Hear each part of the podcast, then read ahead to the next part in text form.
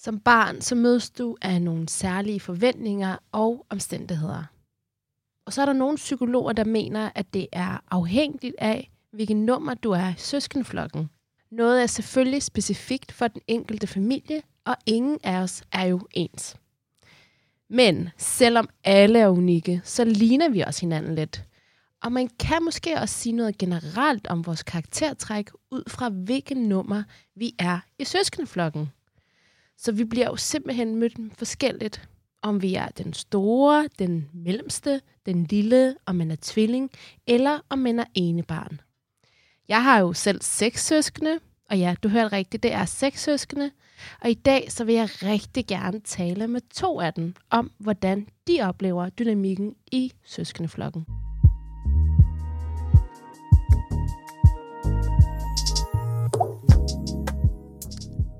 Unge har alt for lidt indflydelse i dagens samfund. I hvert fald, hvis du spørger mig. Mit navn er Manila Gafuri, og jeg er på en mission sammen med Ungdomsbyrået om at sikre unge mere magt. Jeg ønsker forandring, og det kræver simpelthen magt. Så derfor så vil jeg undersøge magtbegrebet ud fra nogle forskellige vinkler. Og jeg vil jo tale med mennesker, der beskæftiger sig med magt. Lige fra aktivisten, der demonstrerer i regnvejret, til den politiske elite, der afgør vores fremtid. Alt sammen for at finde ud af, hvordan vi unge kan få mere magt i samfundet.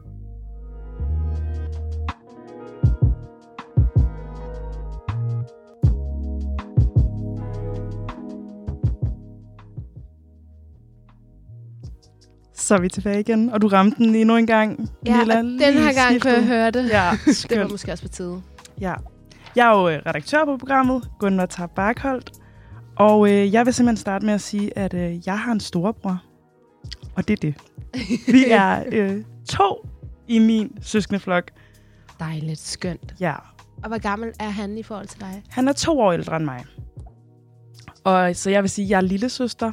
Og jeg er ikke bare lille søster, men jeg er også den yngste af alle mine fædre og kusiner og sådan noget ah. på, på begge sider. Altså jeg er, hvis man sådan siger, den, den udvidede familie. Mm. Mm. Nu har nogle af dem så også fået børn, og min bror har også fået børn, men sådan, man kan man sige, dem i min generation, der er jeg den yngste af, af hele min sådan udvidet familie. Så jeg, jeg er meget lille søster. Kan du mærke det stadig den dag i dag? Altså, det synes jeg ikke. Og nu ved jeg, nu kommer vi lidt mere ind på det her senere med sådan nogle karaktertræk på, Ja. om man er storsøster eller lillesøster eller sådan noget. Og der synes faktisk ikke helt, jeg kan genkende mig selv i det. Noget af det kan jeg godt. Men jeg vil også sige, jeg tror simpelthen også, det spiller ind, om man er dreng eller pige. Og der, der er nogle andre forventninger, der også kommer ind, tror jeg, mm. som, som gør, at når man er en ung pige, er der måske også noget mere ansvar, man bliver pålagt, selvom man er den mindste Mm. Ja hvor jeg nogle gange kan kigge på nogle af mine fædre eller sådan noget, hvor jeg føler, at de måske fik mere lov til at være lillebrødre, eller at, at, de, at der var noget på spil der, som måske også har noget at gøre med køn. Jeg synes simpelthen, det er så interessant, for det, det svar kunne jeg også komme med. Og, og, og, og med det mener jeg, at øh, jeg kommer jo fra et land, der er mere end hvad, 7.000 km fra Danmark, fra dig, Gunvar. Men alligevel kunne jeg svare på det samme. Det synes jeg er enormt interessant i, at hvad det er, der, der forbinder de her ting. At der må være nogle mønstre, der er ens uafhængige, altså sådan køn eller nationalitet eller øhm, etnicitet og alt det her, fordi vi som mennesker måske agerer på en eller anden måde, sådan, har et eller andet mønster. Mm. Øhm, og, og vi skal også sige, at vi kommer til at snakke om sådan meget grove træk, og det ved vi godt, vi gør, og det er jo ligesom vores udgangspunkt. Og måske også kommer vi også til at snakke om det her sådan grove træk, som i forhold til køn, at det er mand og kvinde, hvor vi er jo klar over, at der er selvfølgelig flere køn, men det er ligesom det, der er præmissen for, for det her program. Ja, vi kommer nok til at tale lidt i nogle generelle. Nu, vi kommer til Ja. at lave generaliseringer og stereotyper, men det, det er ligesom udgangspunktet for det her. Du fik lige sagt i indledningen, at øh, du har seks søskende. Ja, Hvor er du henne i søskendeflokken? jeg er simpelthen lige midten. Så der er tre over mig og tre under mig. Og så har jeg en ældste, ja, vores ældste bror i flokken, og to øh, ældre søstre. Og så har jeg en lillebror og to yngre søstre. Så det er egentlig meget øh, spejlvendt, eller hvad kan man sige? Sådan, øh, Du kunne ikke være mere i midten. Du er det absolut midterste barn. ja, det føles skønt. Ser du dig selv sådan mest som storesøster, eller mest som lille søster så? Jeg ser mig selv mest som storsøster. Interessant. Det kan være, at vi kommer mere ind på det ja, senere. det, lad os spørge min, øh, min søstre om det. Ja. Øhm, ser du dine søskende som dine venner, eller vil du sige, at det er en anden slags relation? Jeg, jeg ser dem som søskende, og, og det siger jeg, fordi jeg kan huske, da vi var mindre, hvor meget vi skændtes om, hvem der tog opvasken, hvem der skulle lave madpakker, og hvor man bare hader hinanden, men det er sådan en, det, det, det er et helt, altså det er jo ikke had, men det er noget andet, og det kan jeg ikke rigtig sådan beskrive. Men det sker i søskendeflokken, eller søster-kusine, eller hvad det kunne være, eller øh, fætter-kusine-forhold. Sådan, det er familiære. Øh, men jeg ser mine søskende som, ja, meget mere end godsøjne venner, eller jeg ser dem som sådan livspartner. Altså, det er nogen, der står ved mig lige meget hvad. Øhm, ja, punktum. Så det, ja. Så søskende er noget andet end venner. Og det tænker jeg, at vi blandt andet skal snakke om nu.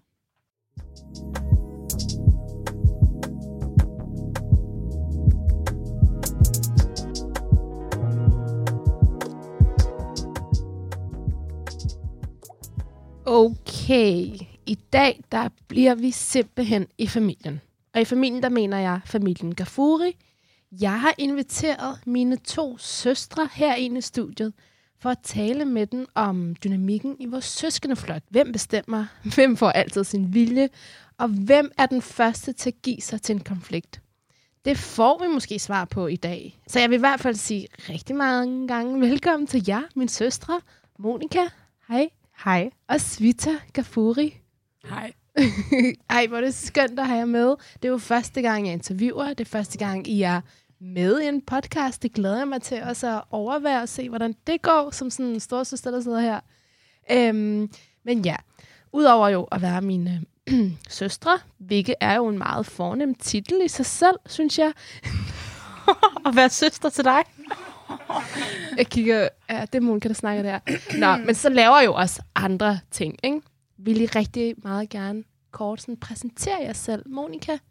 Ja, jamen jeg er ved at blive færdiguddannet, og så øh, arbejder jeg for Mellemfolkelig Samvirke, og jeg har læst og læser Ja, til på tirsdag politisk kommunikation og ledelse, og så er jeg færdiguddannet. sådan. Og hvor gammel er du, Moni? Jeg er 24 år. Skønt. Og, og du laver jo egentlig også noget øhm, storytelling også, ved, ved siden af det politiske, sådan meget tunge arbejde også, som jeg også synes er virkelig interessant.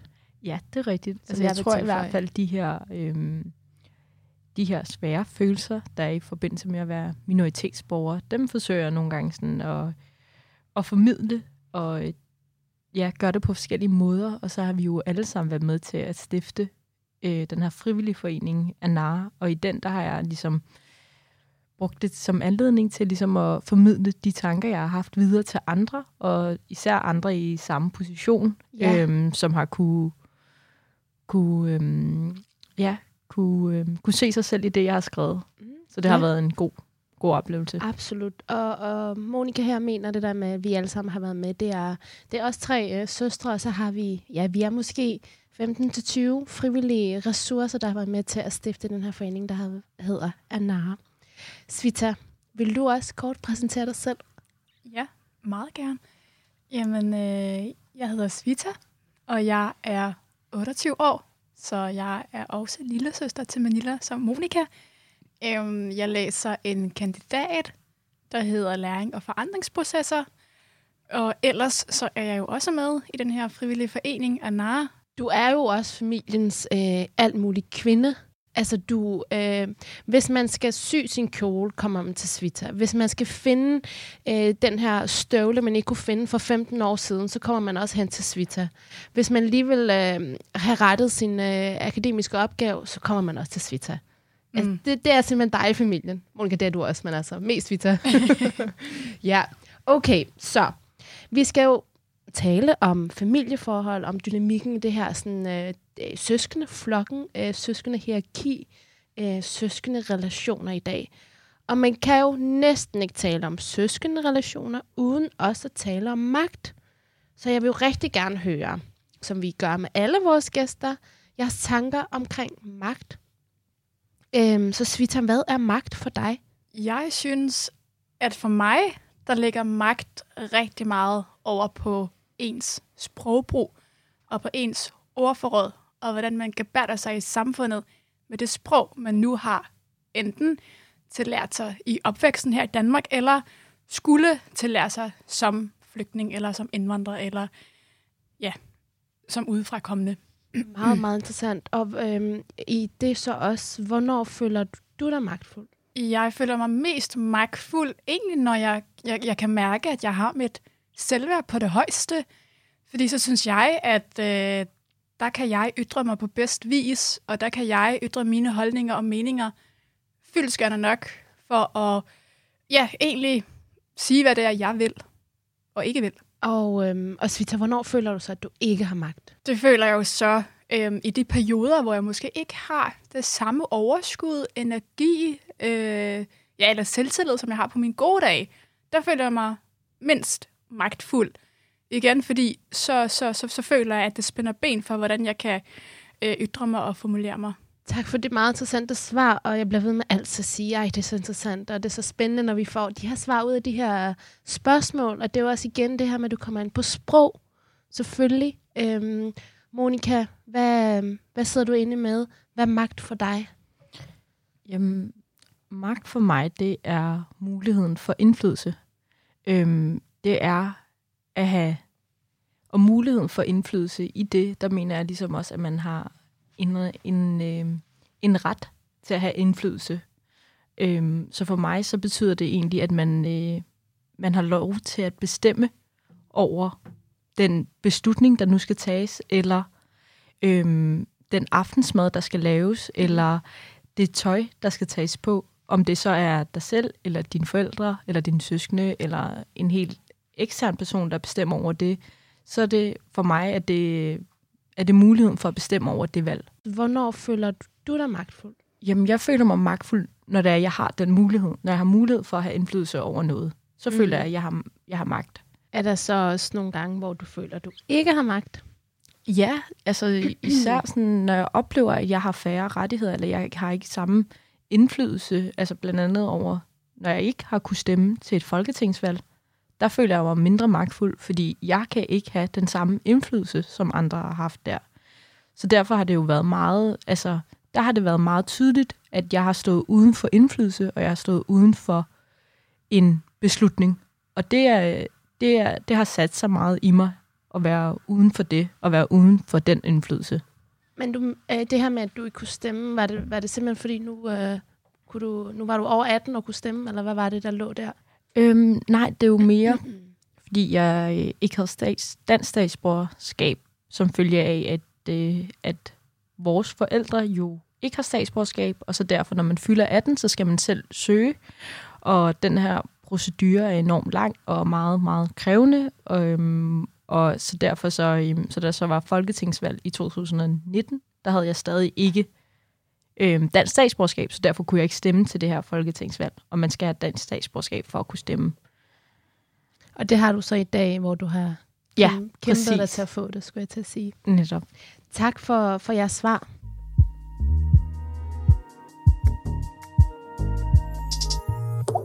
Langt de fleste børn har søskende. Rent faktisk viser tal fra Danmarks Statistik, at i januar 2020 var det kun 12 procent af danske børn, som hverken havde hele, halv eller papsøskende.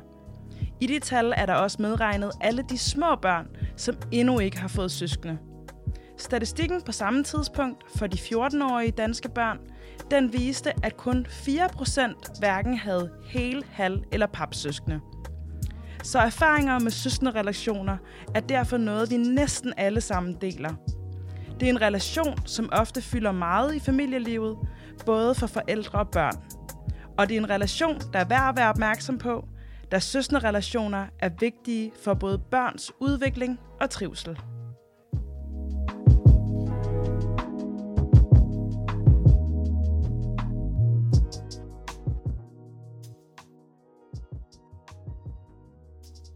Du lytter til Ungdomsmagt, og mit navn er Manila Gafuri. Og i dag har jeg besøg af Monika Gafuri og Svita Gafuri. Lige noget med magt. Uh, Monika, du hedder jo faktisk ikke Monika, du hedder Monira. Ja, og du er du sådan, åh, det er en historie igen. Men altså, det er jo også en magt, at du egentlig på, jeg ved ikke, bevidst, ubevidst har valgt at sige, når jeg vil hedde Monika, eller hvad? Altså nej, det er bare en masse bøvl. Ej, er det det? Ja, det er det. Det er super meget bøvl. og det er super meget navneforvirring og navnekaos. Altså, det er jo sådan noget, hvis jeg siger til folk, mit navn er rigtig Munira, men I må kalde mig Monika. Så folk, de, de tør ikke at åbne deres mund. Det er sådan, må, må, sådan det, det er simpelthen en akavet situation. Og så nogle gange, så siger folk sådan, Mona i alt afmagt. Så, oh, altså, nej. Det så jeg gør tror du. mere, det er, det er, det er afmagt, okay. end Okay. det er magt. Ja. Helt sikkert. Fordi der ligger jo også noget i det, det, det, det vores forældre jo så altså, har navngivet os, og hvad vi så, om, om vi ændrer det eller ej, men mine forældre, eller vores forældre, har jo navngivet dig for Monira, men nu siger vi Monika. Hvad det? Altså, ja, nå. Jamen, vi, vi hørte jo lige Gunvar fortælle om, at, øh, at den her relation med søskenrelation er meget vigtig for børns trivsel og udvikling. Øhm, så jeg vil rigtig gerne høre sådan jeres tanker med, hvordan har I egentlig oplevet at vokse op i familien Gafuri? Vi er jo en stor familie, så hvilke tanker har I sådan gjort jer om, at det er at vokse op sammen? Altså, jeg, jeg synes, der er et rigtig godt citat fra faktisk Monika, hvor hun siger sådan, jamen, vi er alle mellembørn i familien Kafuri. Og det er rigtigt, fordi det er vi i og med, at øhm, ja, vi på en måde alle er blevet øh, mere eller mindre oversete. Og, altså, Og vi griner. ja, vi griner, ja, fordi der har været altså, ligesom de, de her forudsætninger for det, der ligesom har gjort, at vores forældre, de desværre har haft så meget andet at, at deal med, at, at det, ja, vi, vi er bare blevet alle sammen mellembørn i vores søskenflok. Og det er jo det er sjovt, at du siger det, fordi øh, i det at være mellembarn, det kommer vi faktisk ind på i forhold til, sådan, hvad der er helt karakteristisk ved, ved netop at være mellembarn. Øh, men men sådan, så lytterne kan være med, så er vi jo en familie, hvor vi kom til Danmark som, som flygtning i slutningen af 20, eller øh, hvad hedder det, i slutningen af øh, 2000 og et deromkring. Og, og, i, og i, altså faktisk kom jeg jo halvanden år tidligere, end dig, Monika og Svita gjorde, så vi har jo nok haft nogle andre sådan, muligheder for at vokse op i det her land, kvæg det at være flygtningbarn, og netop have nogle forældre, der ikke kunne sproget på samme måde, som al- alle de andre kunne, i forhold til, når du snakker om Svita med magt, og, og hvordan man gebærder sig i samfundet sprogligt også. Øhm, så det er, jo, det er jo det, du mener med det, ikke? Jo. Ja, men, men så du har følt, altså vi er alle sammen mellembørn. Ja. Ja. Monika, hvad, hvordan har det været, og, eller hvordan er det jo at vokse op i den her familie? Jamen, altså først og fremmest med, med det, jeg siger, med at vi alle sammen er mellembørn, det, det står jeg meget ved. Øhm, Sådan. og, øhm, og det står jeg ved, fordi at, at det er som om, at når man siger sådan, at man er, man er den yngste, og jeg er jo den yngste af syv øh, børn, så du ved, jeg er meget, meget lille søster, men der er også en implicit forventning omkring, at når man er den yngste, så er man også vant til at få sin vilje, eller man er vant til at blive forkælet, eller man er vant til at få de største julegaver. Øhm, og det har der ikke været så meget af i vores familie, men det har der ikke bare været så meget af til mig, fordi at jeg øh, har været den yngste, men det har der ikke været til nogen af os børn. Det, har ikke, det er også det, jeg mener med, at vi alle sammen er mellembørn, fordi der har ikke været nogen særlige... Mm, altså, vi er alle sammen, ja, mere eller mindre, men altså, fordi at man også er syv, så det at dele sin opmærksomhed i syv dele, det er jo også altså, en opgave i sig selv. Så det er også derfor, det gør, at man ligesom bliver overset på forskellige måder. I hvert Ja, fald. okay, jamen lad, lad os tage den nu, fordi der er jo en psykolog, der hedder Tina Malmos, øh, eller Nå. Øh, men, men hun har jo egentlig nogle sådan ret generelle træk om det at være øh, i de her forskellige hierarkier. Altså, og det, som Tanner så blandt andet, øh, Tanner, som blandt andet siger, det er det her med, når man netop er den midterste i familien, den, øh, altså, den fødte maler, skriver hun, så er min øh, konfliktsky, det er jo nogle ret generelle træk. men er ekstremt lojal over for ligemænd, altså over for andre. Man har rigtig mange venner, men er samtidig lidt af en enspænder, men er meget uafhængig. Er du midterbarn, vil du ofte være det modsatte af dine store søskende, for at undgå at skulle, at skulle leve op til ham eller hende. Især hvis du har samme køn. Mange midterbørn føler sig overset af deres forældre og kan føle sig presset til at leve op til den ældste præsentationer og den yngstes charme. Barnet i midten føler ofte, at det må kæmpe hårdere for forældrenes opmærksomhed. Og det er tit dem, der er færrest billeder af i familie eller øh, familiealbummet. Og jeg griner, fordi det er så rigtigt. Øh, de er hverken den store, øh, der er lidt sat på spidsen, eller altså det der med, hverken er den lille eller den store, øh, som måske er bare sød og sjov. Var, var det forvirrende sagt, det her, jeg lige har sagt? Er der noget, I kan genkende til? Ja. Hvad, hvad, er, du, at, hvad er det, du kan genkende til det her? Øh, jeg kan genkende til det der med, at, at man skal kæmpe om at, at, at få forældrenes øh, opmærksomhed som mellembarn, og, og det der med, at, at man har nogle forventninger at skulle leve op til, øh, ja, fordi der netop er nogle ældre søskende, som føler, at, at de, de gør det på bedre måde, tingene. Øh, så. Ja, og, og øh, så Monika, er det, er det noget af det, der også sådan, hvor du tænker, at det her der er meget enig i, i forhold til, at du siger, at vi jo alle sammen mellembørn i familien Gafuri? Altså, jeg synes, øhm, ja, jamen helt sikkert. Altså det med, at der er sådan en, en, øhm, en grundlæggende følelse af, at man ligesom skal kæmpe lidt hårdere. Øh, men samtidig så er jeg jo også uenig i det, at, øh, at den yngste eller den ældste, de har ligesom en særlig position. Eller ligesom, jeg kan godt, hvor jeg synes, at det, at det har ikke passet så meget, lige det, der bliver sagt om den yngste, i hvert fald i vores familie. Øhm, så på den måde er jeg ligesom enig i, øh, i det, der bliver sagt om det at være øh, midterbarn, men jeg er uenig i forhold til den kontrast, der er til de ældste, der også bliver sagt, okay. og yngste. Ja, Æ, altså nu har vi jo Monika ved bordet, og Monika, du er jo, øh, om du vil eller ej, yngst, den yngste i familien. Det vil du altid være resten af dit liv. så, øhm, og det er måske nu op til Svita og jeg at lige vurdere også det, det her sådan, typiske karaktertræk. Øh, og det skal lige siges, at de her sådan, karaktertræk eller beskrivelser, de tager faktisk ikke højde for køn, men det kommer vi lidt ind på senere. Men den yngste vil, ja, er jo, er jo det barn i, i søskendeflokken, som, øh, som familiens charmør, og får en masse opmærksomhed, typisk. Både fra forældrene og fra de andre søskende.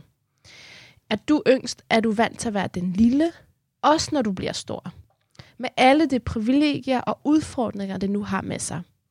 Andre ser dig også som meget charmerende og besværlig. Den yngste vil også typisk være sådan de her karaktertræk, øh, ja, charmerende, underholdende, selvoptaget, skylder skylden på andre, blærer sig og er ekstrem overbevisende, og så også selskabelig. Så hvis du sidder og nikker, eller sådan ikke nikker på sådan en, ja, jeg er enig, men sådan en overrasket måde? Ja, jeg, jeg nikker, fordi jeg ved, at, at de her generelle træk, det, det nok passer på de fleste øh, yngste børn i en familieflok. Men jeg nikker, fordi det passer overhovedet ikke på Monika, eller meget af det gør ikke.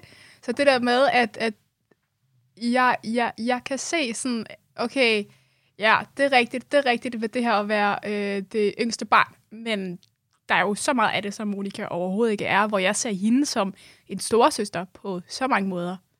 Ja, og, og man kan sige, der, der vil jo altid være noget, hvor man tænker, ah, det her, der passer ikke ind i det her karaktertræk. Men jeg tror også, jeg er meget enig i dig, Svita, at, at der er også meget af det, som, som det der klassiske sådan, åh, oh, familiens yngste. Øh, du får alle gaverne, du første vælger. Øh, ej, du, du må gerne... Øh, du får iPad'en, ikke? Altså sådan, du er yngst. Har den været der i vores øh, barndom i forhold til Monika? ja, jeg synes, det har været utrolig begrænsende. Øhm, så synes jeg faktisk, at, at det mere er Karim, som jo er øh, vores... Øh, lillebror, som faktisk er et år ældre end Monika. Jeg synes mere, det har været ham, som er blevet værnet set mere som det yngste barn ja, end Monika. og der kan man jo så snakke om, er det på grund af køn? Fordi det tager de her karaktertræk ikke højde for jo. Mm. Men, men er der noget i det? Jeg synes, at, at der kommer kultur meget ind på spil, fordi generelt set, altså vores kultur sådan hjemme fra Afghanistan, der er det meget, at okay, drengen, sønnen, han, øh, han, han skal lige have lov til at vælge først. Det, det, det er ham, der skal bringe familien videre. Altså sådan, Mm, ja. Så på mange måder har han altså en anden prioritet. Øh, uanset om han er enig eller ej i det her, men så har han en anden prioritet, end hvis det er pigen i familien. Og jeg tror sådan, at implicit og ubevidst, der har den også været der øh, hos vores forældre. Mm. At, og, også, også det der med, at der er kun et år mellem Karim og Monika, og nogle gange, som min mor sådan har joket med, ej, de er jo også som tvillinger, eller åh, det bliver også set som tvillinger fra de og de her personer, så tror jeg, at, at så har hun ubevidst øh, set Karim mere som det yngste barn. Ja. Hvorfor jeg, jeg, jeg ser i mange øh, kontekster, at han har fået mere sin vilje, end Monika for eksempel har. Ja, Monika, nu sidder vi og snakker meget om dig. Hvad, Ja. hvad, hvad, hvad synes du? Jamen, jeg synes, de betragtninger, jeg har, dem er jeg meget, meget enig i. Fordi at, altså generelt, vi kommer jo også fra en ressourcesvag familie, så det, ved, der har heller ikke været store julegaver, men hvis, eller eatgaver, eller mm. fødselsdagsgaver. Men ligesom, øhm, når der så har været mulighed for det, så er jeg også enig i, at, at, øh, at vores bror Karim, han har haft den øhm, han har haft den prioritet. Øhm, han har jo også, altså det har jo, han har jo også været enormt, der er også blevet spurgt meget efter ham, og på et tidspunkt blev han jo også kaldt, altså var, blev han, som om han var sådan lidt familiens kronprins. Øh, Ja, altså Øhm, det... og Ja, det var jo nærmest, altså i ordvalget, altså han blev kaldt Shah Karim og øh, på Dari, og hvis man oversætter det, så er det jo konge. ja, Shaw eller prins, Prins, eller ja, øh, højlighed i hvert fald, ikke Ja. kongelighed. Sådan, Ja. ja. ja. Præcis. Alle spurgte efter ham, og han var jo og er enormt elsket. Øhm, og det kunne man også mærke, når vi fik gæster, at der, blev, der var en særlig opmærksomhed omkring ham. Øhm, hvilket jeg, jeg tror aldrig, jeg stillede spørgsmålstegn til den Nej. opmærksomhed, fordi det var jeg ligesom bare vant til. Mm, ja, på asylcenteret var det jo også Karims far, Karims søster. Mm. Æ, det var jo ligesom den måde, man, man kendte familien på. Æ, og, og det er jo også det, der måske også siger noget om vores familiedynamik, eller søskendedynamik, at Monika, du i an, måske i nogen flokke, kunne du jo også være ekstremt misundelig på det. Hvorfor er det ham? Hvorfor er det ham, og ikke mig? Men, men det, jeg også hørte dig sige, det er, jamen, jeg var jo selvfølgelig også med på den. Øh, og det synes jeg også er meget sådan øh, gennemgående i vores søskendeflok, at vi har altid holdt af hinanden. Selvfølgelig gør man det, men vi har også støttet hinanden, og der har aldrig været sådan det her. Det er i hvert fald det, jeg føler. Konkurrencepræget sådan, øh, på den dårlige måde, at det der med, at man skulle klare sig bedre end den anden, eller øh, øh, nogle, nogle lidt negativt dårlige forventninger til hinanden. Lad os prøve at, at gå videre til mm, um, Svita. Øh, du er jo, altså, jeg er jo mellembarn, men det du er jo egentlig også, og du er også mellemsøstre her iblandt øh, øh, Monika og jeg. Og det, der er også meget sådan, øh, genkendeligt ved, ved midterbarnet, altså et, det, vi læste højt i forhold til øhm, blandt andet at være den, der er sådan meget, Øhm, at man er konfliktsky, blandt andet, og man er også samtidig med det maleren i familien, øh, og, og meget uafhængig. Det her med at være konfliktsky og maleren i familien.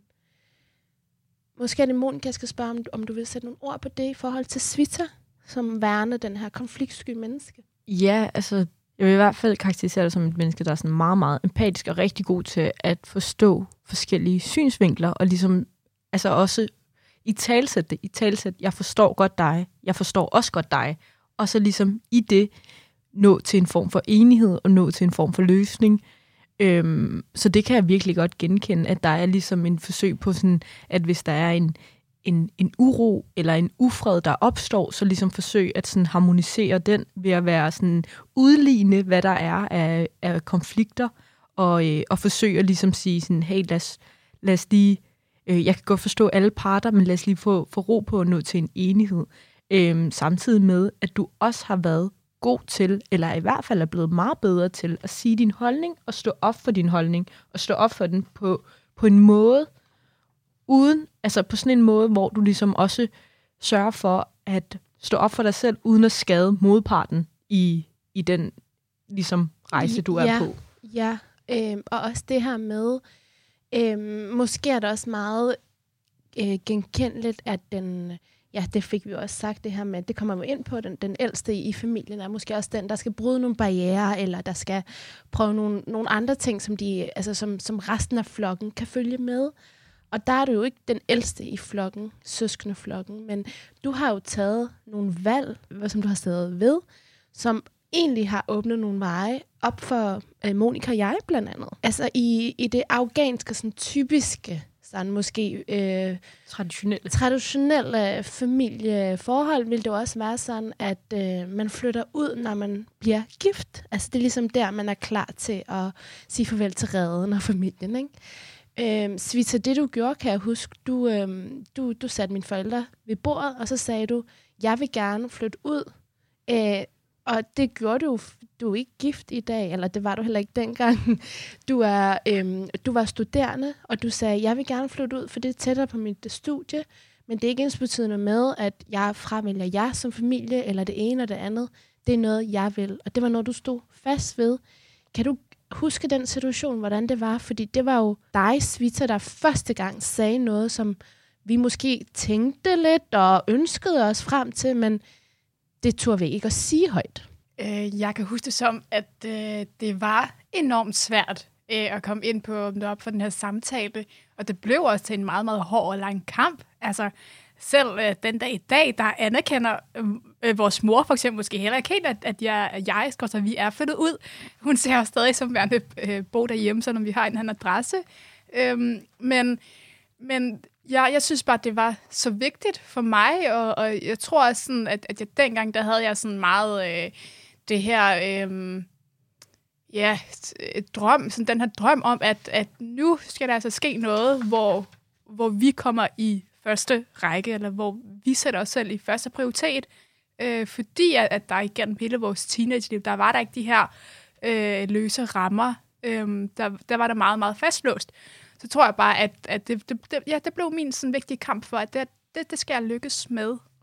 Ja, og det var jo en lang og sej kamp, øh, men det var også en kamp, hvor det var så nødvendigt at tage det første skridt. Og det, det er jo altså kæmpe kado til dig, for det, det baner jo vejen for andre og, og, og altså, øh, åbner op for nye samtaler om, hvordan man... Og der er jo også rigtig mange i dag, altså danske afghaner, der er netop flyttet hjemmefra, uden at være gift af det her. Og for nogen virker det sådan helt absurd at snakke om det, men for os i, i det miljø er det jo sådan en, en ekstremt vigtig samtale. Øhm, men min, min mor sidder også i dag, og, eller ej, jeg siger min altid, og vores mor, mor, sidder også i dag, og jeg er også ekstremt glad for det valg. Altså det der med, vi som familie skal ikke altid hele tiden være sammen. det er ikke sådan, det er. Der skal også være netop frihed til at, og frit rum til at kunne være øhm, ens eget sted og egen base, uden at man at det er ja, ens betydende med, at man fravælger nogen. Øhm, i det vil jeg også sige, vi har jo heller aldrig haft vores eget værelser. Vi har altid delt værelser. Vi har altid delt øh, alt, skulle jeg til at sige. Ja, altså, vi er blevet tvunget. ja, vi er der blevet tvunget til det, men, men det er jo, hvad har været styrkerne ved netop de her, jeg vil ikke kalde det ekstreme forhold eller præmisser, men det er jo, det er jo heller ikke helt nogle, øhm, altså nogle, nogle forhold, vi, vi, vi ønsker andre børn skal leve under det. Så, men, men hvad har det alligevel styrket os ved det? Altså, jeg tror jo, men vi var jo også altså, ekstremt utraditionelle, ikke? Altså sådan, mens andre var sådan, om, hvis de delte værelse, for det første del, der var ikke så mange, der delte værelse, hvis de delte værelse, så var det med en, og ikke med tre. så og, det var jo ligesom altså meget karakteristisk. Det var jo også den samtale, der var. Altså de, andre, de der er jo sådan, hvad er det, sådan øh, 1,8 børn, der bliver født i Danmark, eller 1,6 eller sådan noget, og det, vi var jo syv, altså det var sådan helt, vi, vi sprang alle barriere, der, der havde noget som helst med familie og værelsedeling at gøre. Øhm, men, men det blev jo også, altså det var jo mega fedt, fordi der var ikke noget, der hed mit eget, eller der var mit øh, legetøj. Det var altid fælles, og det var så fælles, at jeg kunne blive stødt over, hvis nogen sagde, hov, det er jo faktisk min trøje, hvor jeg sådan, hvad? og det er jo også, altså, det er jo også for meget, det har jeg også lagt mærke til nu. øhm, men, ja. men det er ligesom det, der sker, fordi det bliver sådan, det bliver jo et lille kollektiv, altså sådan, uden at man ligesom er, er klar over, at det er et kollektiv, fordi det er bare de vilkår, du altid har haft, mm. og det er altid de vilkår, du er levet og opvokset under. Så det at dele og have et fællesskab, og hele tiden ligesom sådan kunne kunne, kunne være sammen og øh, samarbejde om ting, og, sådan, og ligesom finde ud, finde ud af alle de her problemer sammen, og, og øhm, det, det har bare været noget, der har været en selvfølge, fordi det har bare været, det har været sådan, det har været, og så, altså, så blev vi bare sat ind på det her værelse. Nu bor I fire her, og så skal I finde ud af det. Så fandt vi også ud af det. Ja. Jo, jo, altså to køjseng Ja. på værelset, hvor min, altså Karim sov over mig, og Monika sov over dig, Svita, og når de gik op og ned, knirkede det fuldstændig, og jeg ja. kan Ja. huske flere aftener nætter, hvor jeg har tænkt, nu falder han lige om lidt ned i hovedet på mig. Altså, det sker lige nu. Men det, øh, det er jo også det, der ligger i det. Altså, vi kan jo ikke lade være med os at snakke om den ældste i, i flokken, søskenflokken. Øhm, så hvis vi lige også kan komme ind på det, som ældste barn, der har du altid dine forældre for dig selv til at starte med. Førstefødte får masser af opmærksomhed, men er også under et større sådan, forventningspres end andre, eller end de andre søskende i, i flokken. Øhm, og så er der også det her med, at dine forældre har ikke prøvet at have børn før, og de vil helt naturligt være mere usikre i forhold til, hvad de skal gøre over for dig. Øh, og nogle af de her typiske sådan, karaktertræk med at være ældst, er også det her med, at man er perfektionistisk eller overopdraget, pålidelig eller pligtopfyldende. Øh, man vil være meget struktureret og velorganiseret, øh, og kritisk og seriøs, intelligent eller øh, meget belæst. Er det, øhm, hvem, hvem tænker I, at vi kunne sætte ind i den her rolle? Jeg tænker da, at helt klart de to ældste, de passer så godt ind i, i den øh, Ja, beskrivelse vi har- af det at være ældste børn. Ja. Ja, vores ældste bror, der hedder Jamil Gafuri. Ja. Øh, og så vores øh, anden ældste søster, der hedder Asina Gafuri. Ja. Og hvordan passer det i forhold til dem, de her beskrivelser? Altså, jeg synes netop det, at hvis jeg siger de to ældste, det synes jeg er meget, meget øh, godt sagt, fordi der er ikke en, der ligesom er ældst, det er de to. Øhm, jeg ser også de to som en forlængelse af faktisk vores forældre, på mange måder, at de er en ligesom, øhm, de er enormt ordentlige, og de har øh, været rigtig, rigtig gode til at klare det, altså været sådan nogle forbilleder for, hvordan man skulle gøre det, Ja, taget. Øh, altså, de, de har også været, hvad kan man sige, sådan, på, altså, de har jo også, hvis, hvis vores forældre har sagt noget, så har de også været gode til at adlyde, og været gode til, til ligesom ikke at sætte spørgsmålstegn ved nogle ting. Øhm, det er også det, der har gjort, at de har været sådan helt, sådan nogle øh, små, altså sådan nogle rollemodeller, ikke? Altså Jo, sådan, jo. som vi jo også er blevet øh, spejlet op af, helt, Ja. helt, helt forståeligt og helt naturligt, når de har klaret det så godt, ikke? jeg er ekstremt inspireret af deres måde, øh, både i det, i det faglige, det de laver, og professionelt, men også enormt den her samhørighed, de har, og den enorme kærlighed øh, og rum til at være der for hinanden. Altså vores storebror, jeg tror aldrig, jeg har hørt ham sige nej til, når vi har spurgt, kan du lige, lige hjælpe, kan du lige det her, hvor han altid har været tilgængelig. Og det er det samme med vores søster. Kan man sige sådan en klassisk magtstruktur, at vores forældre, der har, der har øh, lovgivning, og så har det været Asina og, og Jamil, der skulle sådan praktisere det ind i familien. Kan man snakke om det, Svita? Eller? Ja, det synes jeg godt, at, øh, at vi kan. Øhm, ja, fordi netop som Monika også kommer ind på, de, de er jo enorme øh, pligtopfyldende, og ligner rigtig meget vores øh, forældre på, altså når man snakker om traditioner og kultur og så videre, så er det dem, der har øh, de fleste ligheder. Øhm, så, så ja, og så synes jeg godt, at, at de er på en måde den, det ved jeg ikke, udøvende magt. Altså, Ja.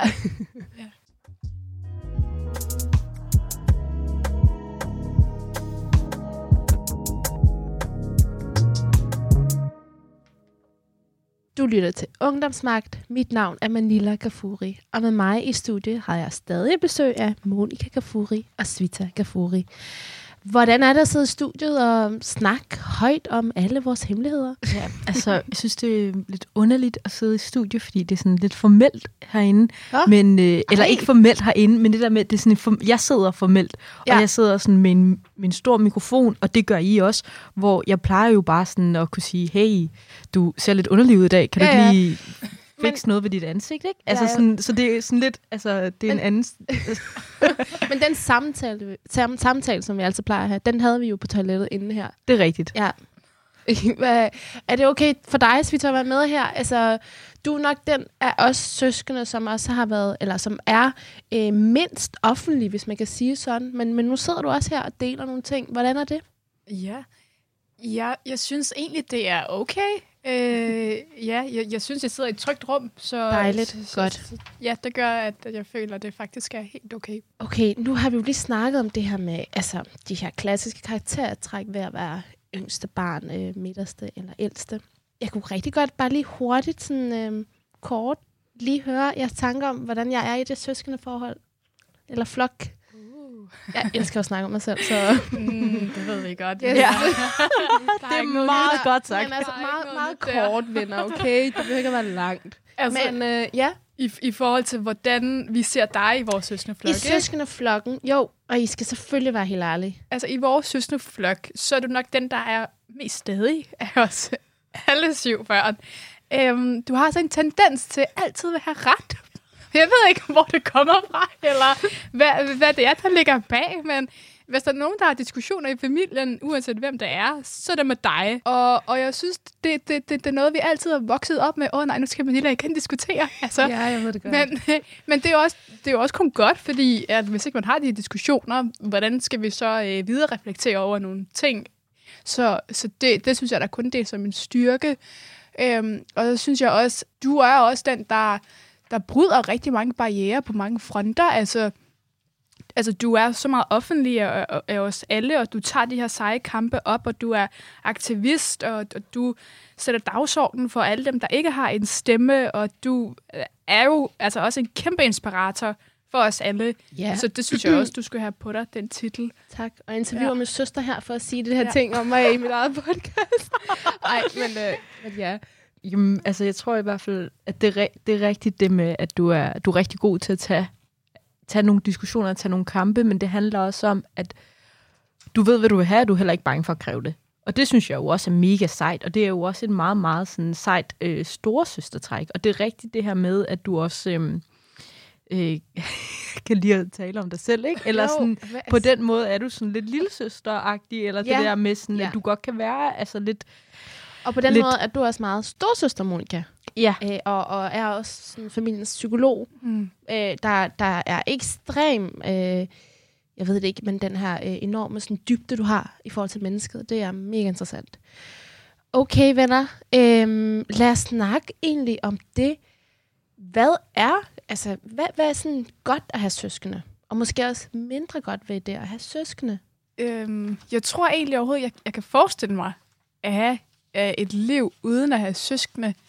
Der, der, der kan jeg slet ikke sætte mig ind i det at være ene barn. Eller jo, det kan jeg, men jeg tror bare, for mig er søskende så meget, også som det du siger, det er jo livspartner.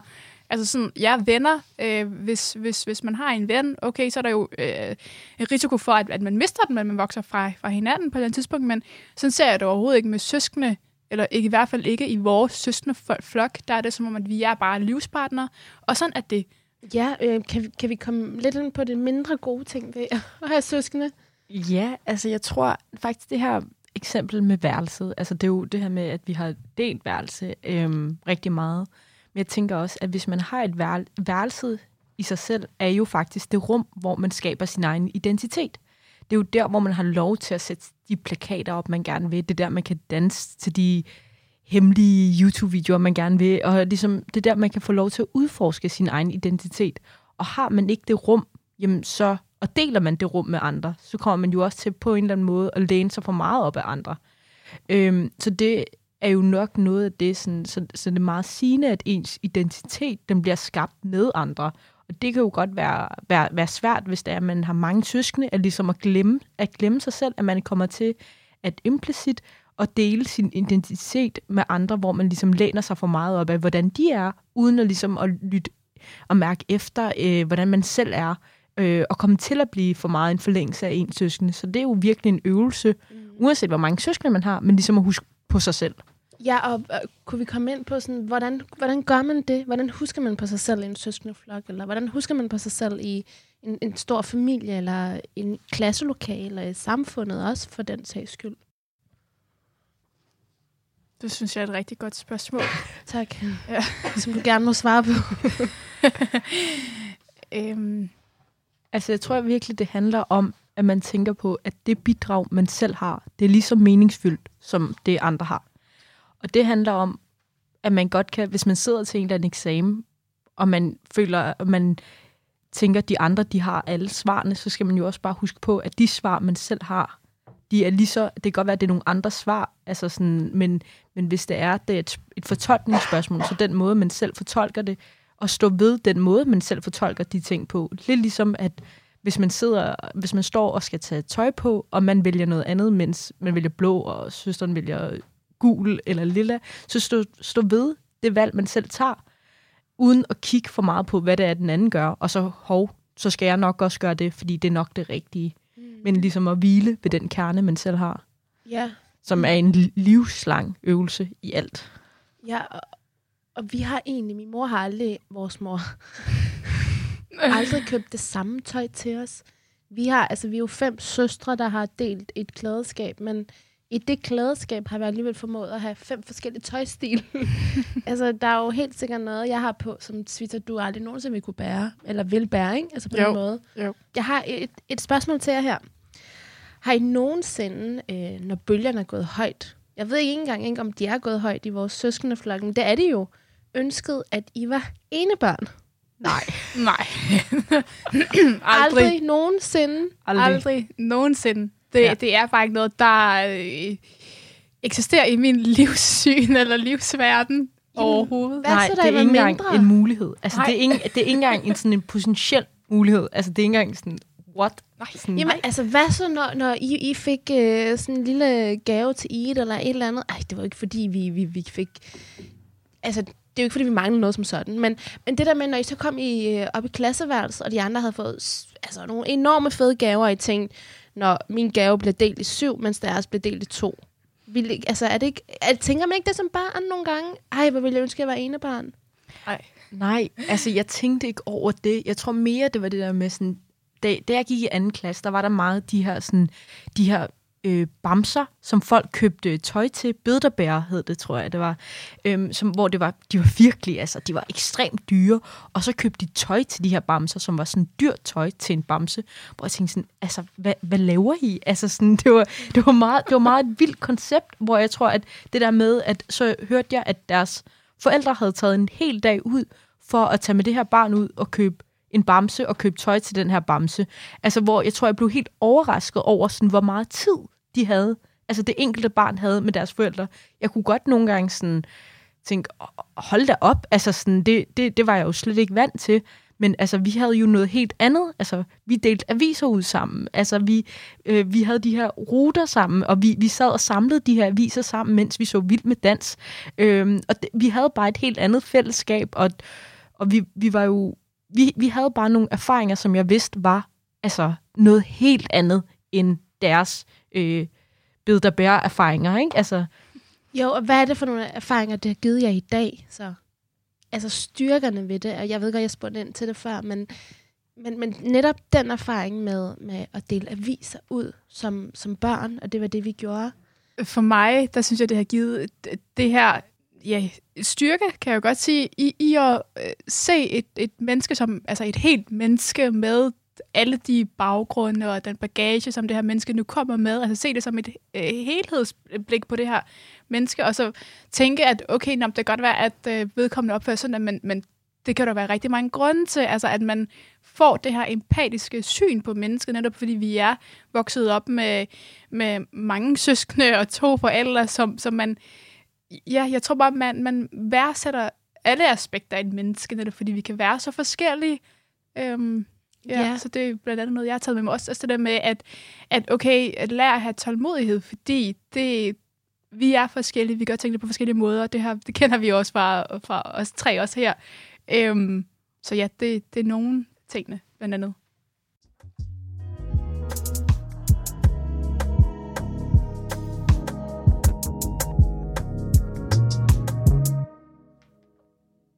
Du lytter til Ungdomsmagt, og mit navn er Manila Kafuri, og jeg har stadig besøg af mine søstre, Monika og Svita. Lige her til sidst. Uh, altså, jeg kan jo godt mærke, jeg vil jo virkelig ikke stoppe den her samtale. Fordi det føles jo bare, som om vi sidder på en café og snakker. Øh, og, det er jo, og det gør vi jo meget tit, og det, jeg skulle til at sige, det glæder mig også til, at vi gør efter den her episode, at vi så sidder vi derude og snakker. Øh, men vi skal jo afslutte, og jeg vil rigtig gerne spørge jer her til sidst, om I selv drømmer om at få børn. Og er det så 10 børn, 7 børn, hvor mange børn? Øh, ja eller nej? Uha. Jamen, jeg vil gerne have børn. Og øh, jeg vil gerne have, have flere børn. Sådan, det, det er noget, der ikke skræmmer mig. Og jeg tror, det er meget det der med, sådan, jeg har jo været med, når man siger sådan, om man er en søskende flok på syv, som folk er sådan, åh, hvad er I syv? Og Ja. De forældre må De godt nok have travlt. travlt. altså, det, er det, det er seriøst det værste, det der at spørge om, når man går i anden klasse. Vi kan godt alle sammen stoppe det for alvor. Altså, Altså helt ærligt, det Ja. siger man ikke.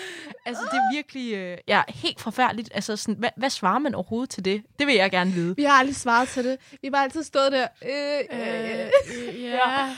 Ej, og så på et tidspunkt, så blev det sådan en samtaleemne i min klasse, hvor min, min, min øh, hvad hedder det, dansklærer, hun blev nødt til at sige sådan, Åh oh, nej. i Mellemøsten, der handler det om, at man ikke bruger lige så meget prævention. Ej.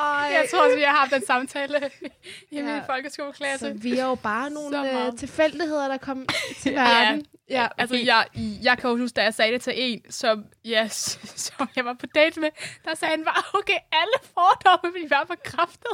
altså, det er bare Ja. så rigtigt. ja. Ja. Men that's it. Så Monika, du vil rigtig gerne have børn. Ja. Flere børn, siger du. Ja.